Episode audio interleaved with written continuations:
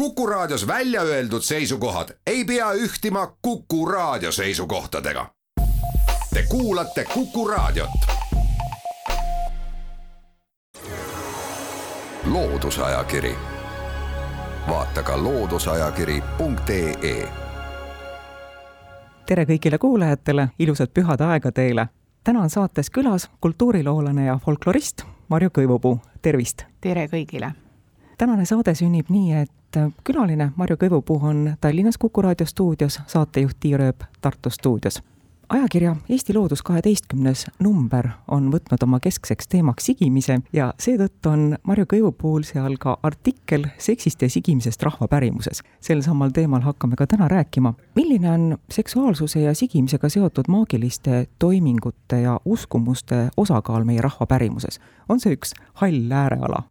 Ega ta väga hall ääreala ei ole, aga ma arvan, et kindlasti omal ajal võib-olla oleks saanud seda ka pisut rohkem ehk kirja panna. Seda sellistel juhtudel võib-olla, kui pärimuse kirjutajad oleksid olnud sookaaslased, sest et äh, kui ma veel ise olin noor ja tegin väga palju välitöid,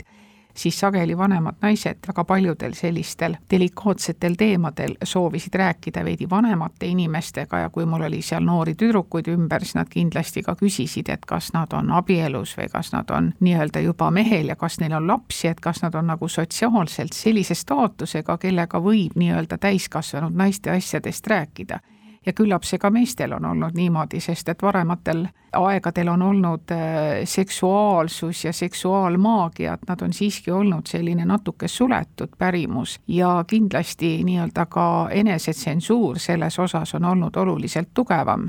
Meie tänases ühiskonnas näib olevat, et väga tabuteemasid ei ole ja väga paljudel teemadel minu arvates äh, räägitakse kuidagi väga häbenematult et mitte, et ma arvan, et teemadest ei peaks rääkima, aga aga võib-olla mõnede teemade puhul ongi vajalik teatav selline,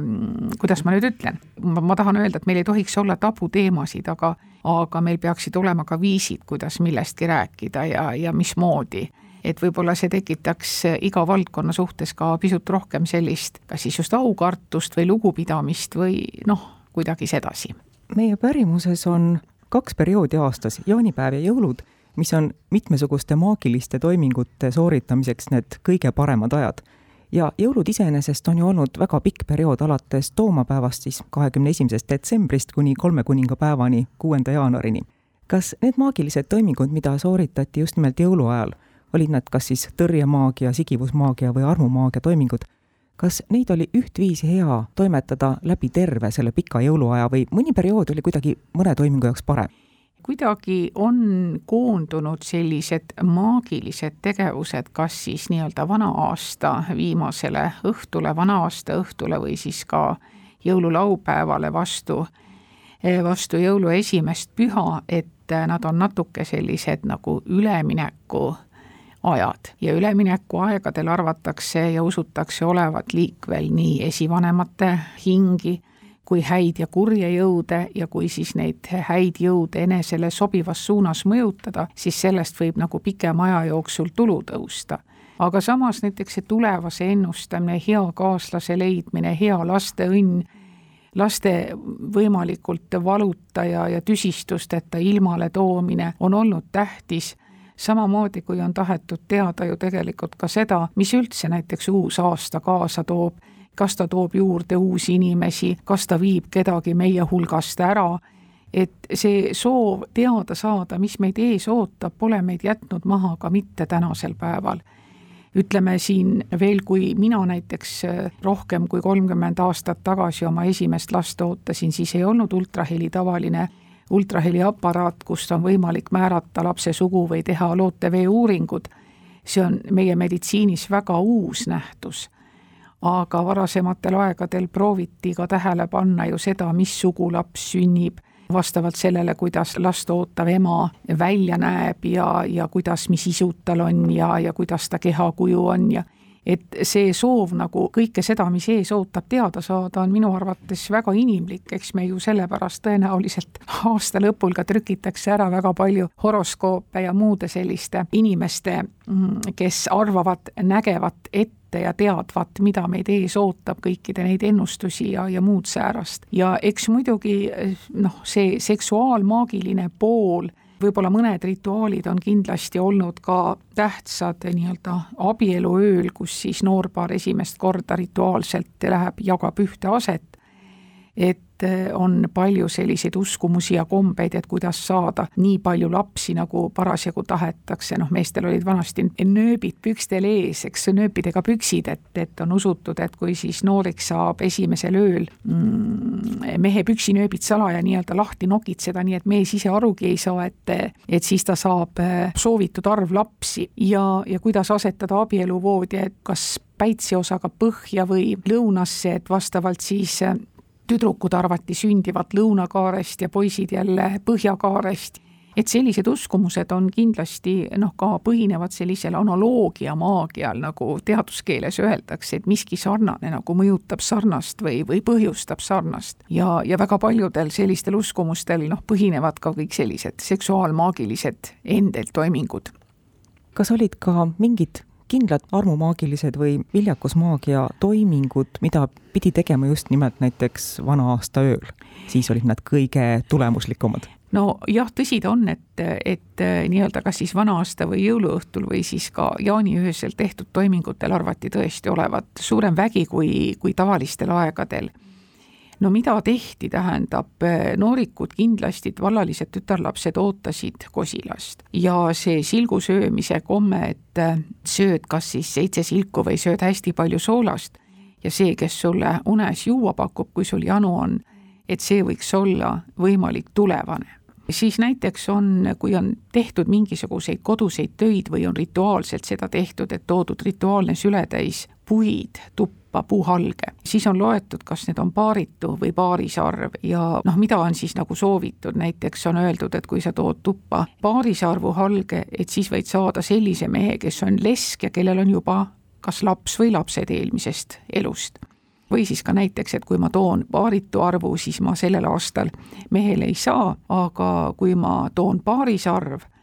halge, siis ma saan nii-öelda saabuval aastal mehele sama loogika järgi on talitatud saunavihtadega, et aga sealt ei ole mitte siis kahmatud sületäis vihtasid kaasa, vaid on loetud ära saunavihas olevate kasevitste arv, et kas need on paaris või paaritud. kui on paaritud, siis sellel aastal mehel ei saa, kui on paaris, siis on lootust, et kosilased tulevad. ja siis on samamoodi, on ujutatud äh, söetükikesi, et on pandud vette ja söetükikestele on pandud äh, siis nimed ja siis on vaadatud, et milline söetükk kellega kokku trehvab, et nendest saab paar. ja samamoodi on siis viidud, kas koertele näiteks on, on pakutud konte või siis on kana või kuke ette on pandud siis terad ja seal igal terahunnikul on näiteks võib-olla mõne meeldiva noormehe nimi ja millise terahunniku juurde ta läheb või millist konti siis koer valib, et siis on arvata, et see noormees tuleb kossija.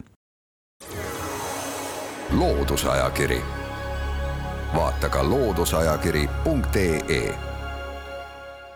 loodusajakiri läheb edasi. kuku raadio Tallinna stuudios on folklorist Marju Kõivupuu, saatejuht Tiia Rööp on Kuku raadio Tartu stuudios. me rääkisime ennist armumaagia toimingutest, mida sooritasid naised ja neiud kas need teemad ei ole meie meestele üldse olulised olnud? kas selliseid üleskirjutusi ei ole, kus mehed on armumaagiaga tegelenud? ma alati pean kurvastama selles osas, et ka tudengitele räägin, et hakkame pihta meie regilauludest, et meie vanades regivärsilistes rahvalauludes, nendes kõige ürgsemates ja ürgsemas vormis sõnastatud, on ikkagi noormees see, kes palub ema vanemaid õdesid või mõnda kuulueite, kes valiks talle külast välja nagu sobiva pruudi, kes ei oleks kuri, õel, tulehark. Ja kuidagi tundub, et mehed on olnud hästi passiivsed, sest et kõikvõimalikke selliseid armukakke ja ärategemisi on ikkagi süüks pandud äh, naisterahvastele, et nad on pannud mõne mehe nii-öelda enda järel jooksma no me teame seda, kuidas see lauldi vanasti, et läbi reie need armukakud, kus siis delikaatsetest kehaosadest naisterahvad, noorikud, tütarlapsed lõikasid karvu, segasid neid kaku sisse, mida siis noormehele pakuti või, või samaks otstarbeks äh, segati siis toidu hulka ka näiteks mõni tilk menstruaalverd, lootes, et see siis paneb noormehe, soovitud noormehe nii-öelda tüdruku poole lahkete silmadega vaatama, et noh, seda on vanarahvas nimetanud ka ärategemiseks, sest et ega selliseid väga tugevaid tundeid ei ole nagu külaühiskonnas väga heaks kiitvalt varasematel aegadel vaadatud me teame seda ka, eks ole, et või, või ütleme siin varauusajal ja siin keskajal ja on ju diagnoositud, et, et selline armastus kui niisugune, et on vaata et haigus, et inimestel, no kuidas see laul oli, et ma ei maga, ma ei söö, ma ei taha teha tööd, et abielud olid suhteliselt ka mõistuspärased ja, ja võib-olla alati nendel nii-öelda tunnetel ja ka noorte omadel soovidel ehk ei varasematel aegadel see tähtsus oli ju suhteliselt tagaplaanil ja see on andnud ka ainest väga ütleme sellisteks märgilise tähendusega tekstideks, võtame kas või Kitsbergi libahundi, mis ju baseerub suuresti rahva pärimusel ja ka sellel, et, et tunded või ühesõnaga abielluda tuleb mõistlikult, eks ole, et me oleme võtnud kogu aeg siin valget verd marisid, aga sina ei pea vaatama seda teist tütarlast, kelle päritolu on ebaselge, kes käitub teistmoodi, kes näeb välja teistmoodi, et eks ju Tiinat süüdistati ka, et ta on Marguse ära teinud, silma peale pannud, midagi, mõnda maagilist toimingut korda saatnud, et Äh, siis mõnikord räägiti rahvasuus või noh, on kirjapanekuid ka sellest, kuidas siis teinekord näiteks altari ees püha jumala sõna kirikus kuuldes siis noormehel lähevad äkki silmad lahti ja, ja ta saab aru, et vaat kõik see, mis temaga toime pandud on, et see on selgest saatanast aga nagu ma alguses ka ütlesin, et eks see on selline natukene salapärane maailm, kuhu võib-olla ei ole nagu osatud teinekord ka nii-öelda sisse piiluda, et eks need on sellised meeste asjad, millestele mehed räägivad omavahel, naised räägivad omavahel rohkem naiste asjadest ja, ja nii see on. Mul tekkis küsimus, kas nende samade armukaku retseptidega, mida ikkagi ju räägiti vanemalt põlvkonnalt nooremale edasi, kas nendega anti kaasa ka hoiatus, et juhul, kui kasutada seda maagiat, siis lisaks soovitud tulemusele võib juhtuda midagi, mida ei soovita? ei, väga ei tea, et oleks, aga mis minu jaoks oli hämmastav, kui ma siin natuke otsisin materjale ja vaatasin eestlaste eluringi raamatu tarvis kõike seda, mis on nagu seotud armumaagiaga, siis eh, ringi vaadates leidsin, et tänapäeval ka on see teema, et pöördutakse, vot meil on ju hästi palju inimesi, kes on võtnud endale selgeltnägija tiitli või kes arvavad ja tunnevad, et neil on mingisugused erilised võimed korda saata asju, mida tavainimesed ei suuda,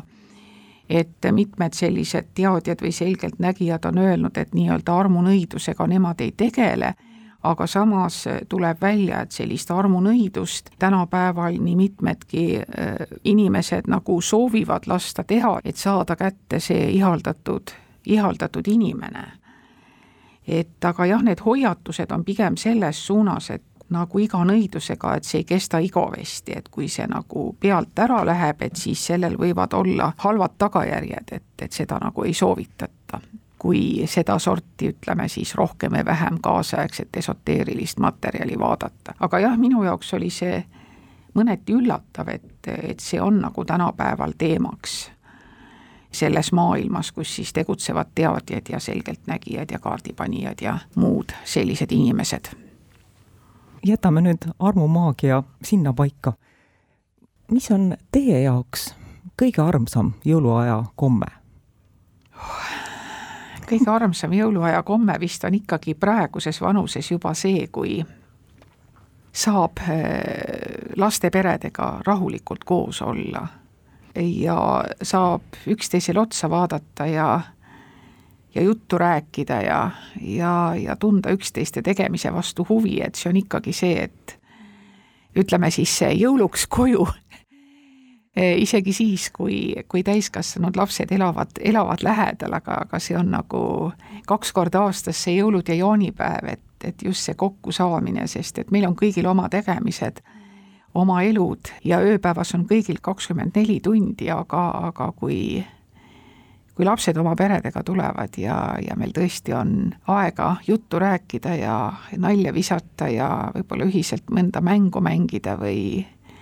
või lihtsalt olla ja nautida head toitu ja üksteise seltsi, et, et see vist on see kõige parem asi. suur tänu, Marju Kõivupuu, saatesse tulemast ja soovin teile ja teie perele rõõmsat ja rahulikku pühade aega. ja mina soovin kõikidele Eesti inimestele sedasama vastu siitpoolt, et oleks rahulikud, toredad jõulud ja vaatame ikka lootva ja rõõmsa silmaga uude aastasse, küllap tuleb rohkem head kui halba.